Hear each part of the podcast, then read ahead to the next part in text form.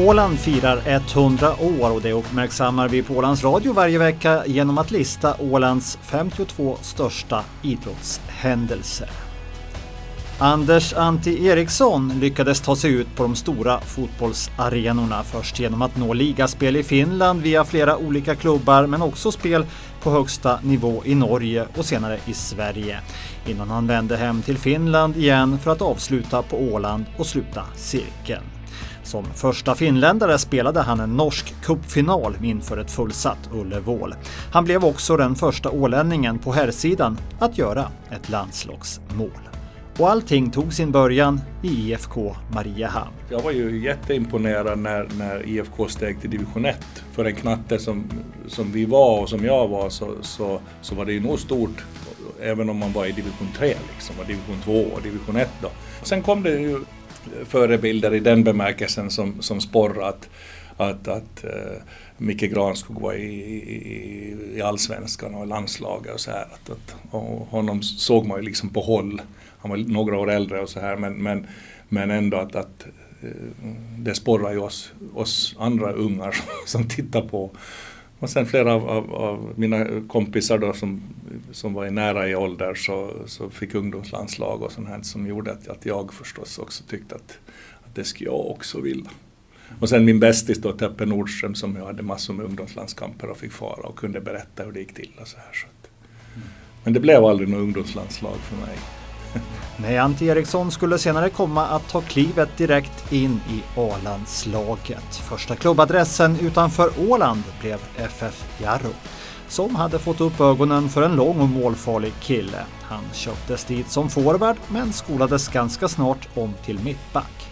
Det är ju tillfälligheter som gör det. Jag vet att den här finlandssvenska TVn hade gjort ett reportage från IFK om IFK Mariehamn och, och, och, där intervjuades jag och där berättade jag då i intervjun, eller de frågade mig någonting om, om hur jag gjorde, vad jag höll på med. Och, och då hade jag tagit mellanår efter att jag hade tagit studenten och, och, och jobbat på ett, på ett dagis och jag jobbade halvtid för att jag skulle kunna träna.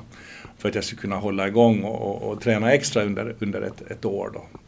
Så att, att det signalerar ju nog på något sätt ändå att jag gjorde en satsning. Och, och, och den där snappade någon upp, Boris Kjell hette, hette han, han är, han är inte med oss längre, och, och, och uh, tyckte att det där lät spännande. Så ringde han och kontaktade mig och hörde lite. Och, och så här. Och sen på den vägen gick det. Var känner du att du hade ditt personliga genombrott då? Att nu, nu tar karriären fart? Här? det var faktiskt eh, min andra session i Jaro som, som jag blev. Vi var på ett träningsläger i Italien och så fick eh, tränaren ett samtal om att, att jag skulle med, jag skulle, jag skulle flygas därifrån till södra Sverige för då var, då var landslaget, men det var, det var faktiskt ett, ett sånt här ungdomslandslag. De ville ändå att jag skulle komma dit och, och, och förbundskapten Vackila var också där och tittade på, på oss ungdomar då. Så då kände jag att wow, vad spännande att då får jag dit. Så där kände jag väl att, att jag fick liksom eh, ändå en, en, en, en aning om att jag hade möjligheter och så vidare. Så att, mm. Men själva genombrottet, det, det gick liksom lite på om på. Inte, inte var det så att, att ja, först, första A-landskamp och sen blev jag, blev jag kallad också på, på en sån här utlandsläger, alltså landslaget gjorde då och gör väl fortfarande sådana här vinter, mm. vinterläger lite här och där i världen. Och, och, då åkte vi till Kuwait vet jag och då var jag där och, och, och en vecka och spelade med landslaget. Och då var det, då var det mycket inhemska spelare, kanske någon av, någon av utlandsproffsen men, men där, där man granskades då helt, helt klart. Ja, mm. Efter det så plockades jag upp och fick, jag kommer inte ens ihåg den första A-landskampen skulle ha varit, alltså den riktiga tävlingslandskampen. Då kände jag väl att, att, att jag kände omgivningen och mm. hade skolats in relativt snabbt nog Mm. Jag hade ju som inte några ungdomslands, ungdomslandskamper och så här. Så jag kände ju inte så mycket spelare annat än från de som, som var från, från som spelade ännu i ligan, finska ligan. Så då, de kände man ju. Där var det ju bara språket som fanns som ett litet hinder då. Mm. Mm. Men, men eh, nej, det var, det var fantastiskt. 15 landskamper läser jag någonstans att det blev till slut. Ett mål också. Vi måste ju hänga fast vid det. Minns du målet? Ja, det gör jag. Estland borta. Estland borta på en hörna. Ja, med huvudet faktiskt. Nicka ja. in den. Var det någon variant, var det det man siktade på i de sammanhangen eller var det bara att du dök upp det? Nej, nog fanns jag med i, planerna alltid men att, att uh, i och med att jag hade då den, den längd och, och, mm. och så här så att, att visst, det var ju inte så att, att Finland på den tiden var liksom ett, ett Finland som de är idag uh, utan då var vi då var vi nog underdogs i de flesta matcher, kanske inte mot Estland då. Och, men, men i alla fall så att, att så där jättemånga målchanser under de kamp, landskamper som jag så har jag nog inte haft kan jag säga. Utan det var nog mest att man var bara tillbakatryckt och fick kämpa med, med att försvara. Eh, ja, du har ju en annan bild här. Eh, det är inte mot Estland eh, i telefonen här. Det är en bild i en landskamp mot Brasilien. En härlig duell där där du har ett ruskigt häng och övertaget på, på, på, på brassekollegan där. Det måste varit ett tuffare motstånd än Estland? Ja absolut, det var ju det, var det ju, och, och, och, och det var ju en vänskapslandskamp.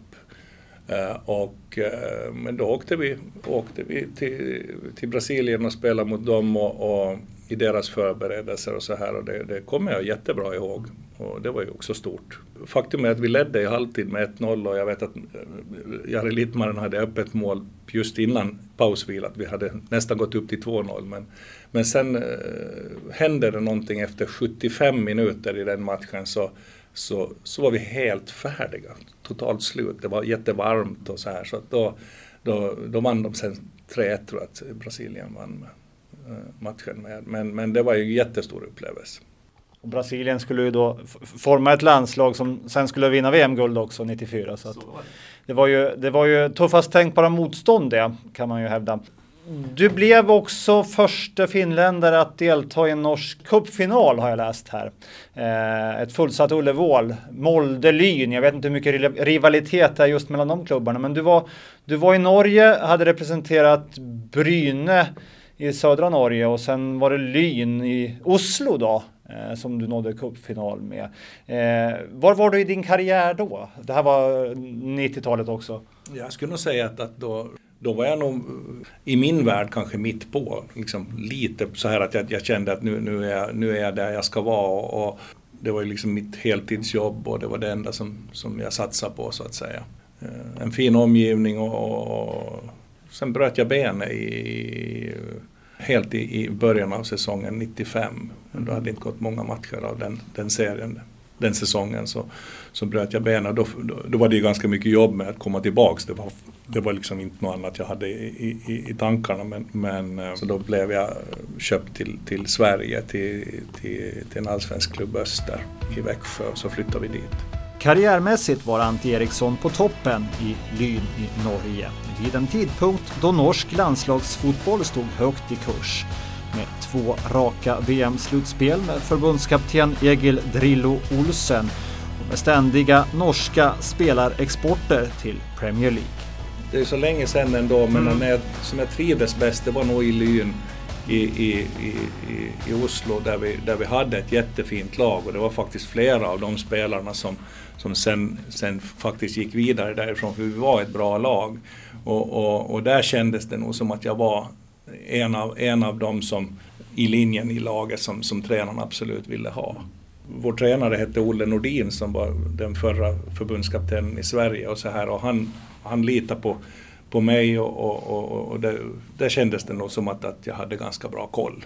Nej, det var, det var stort. Det var många spelare som, som eh, flyttade från Norge till England och spelade engelsk division 1 och Premier League och så här. Så att, att, att där kändes det nog som ganska nära ändå att, att, att, att det var möjligt för oss spelare att faktiskt ta ett, ett kliv till. Och det fanns, det fanns nog i, i mina planer, eller i min, ska vi säga planer, men mina förhoppningar om att den, den möjligheten skulle kunna finnas. Att Norge är en språngbräda till mm. England. För England hade jag nog ändå som en sån här att det skulle passa in i, mitt sätt att, att, att, agera på en fotbollsplan och det fick jag bekräftat flera gånger av andra som också tyckte att ja, men, mm. så, så ska vi göra.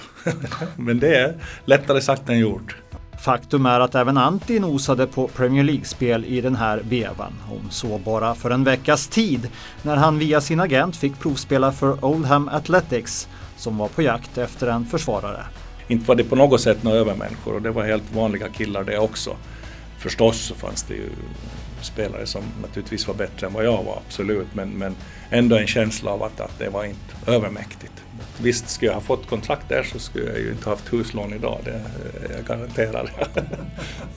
Som spelare får man inte så många chanser till en nationell titel under sin karriär. Anders Antti Erikssons chans var den 23 oktober 1994 när hans Lyn mötte Molde i en målrik final i Norges Cup på Ullevål där Molde till slut vann med 3-2.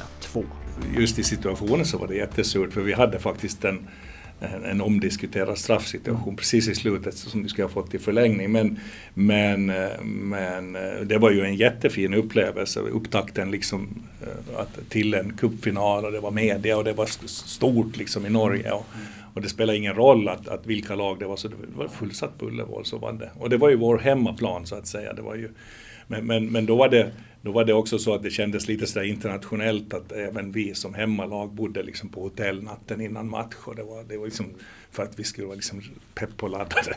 Så att det, nej, det var, det var, det var spännande och, och, och, på det sättet stort.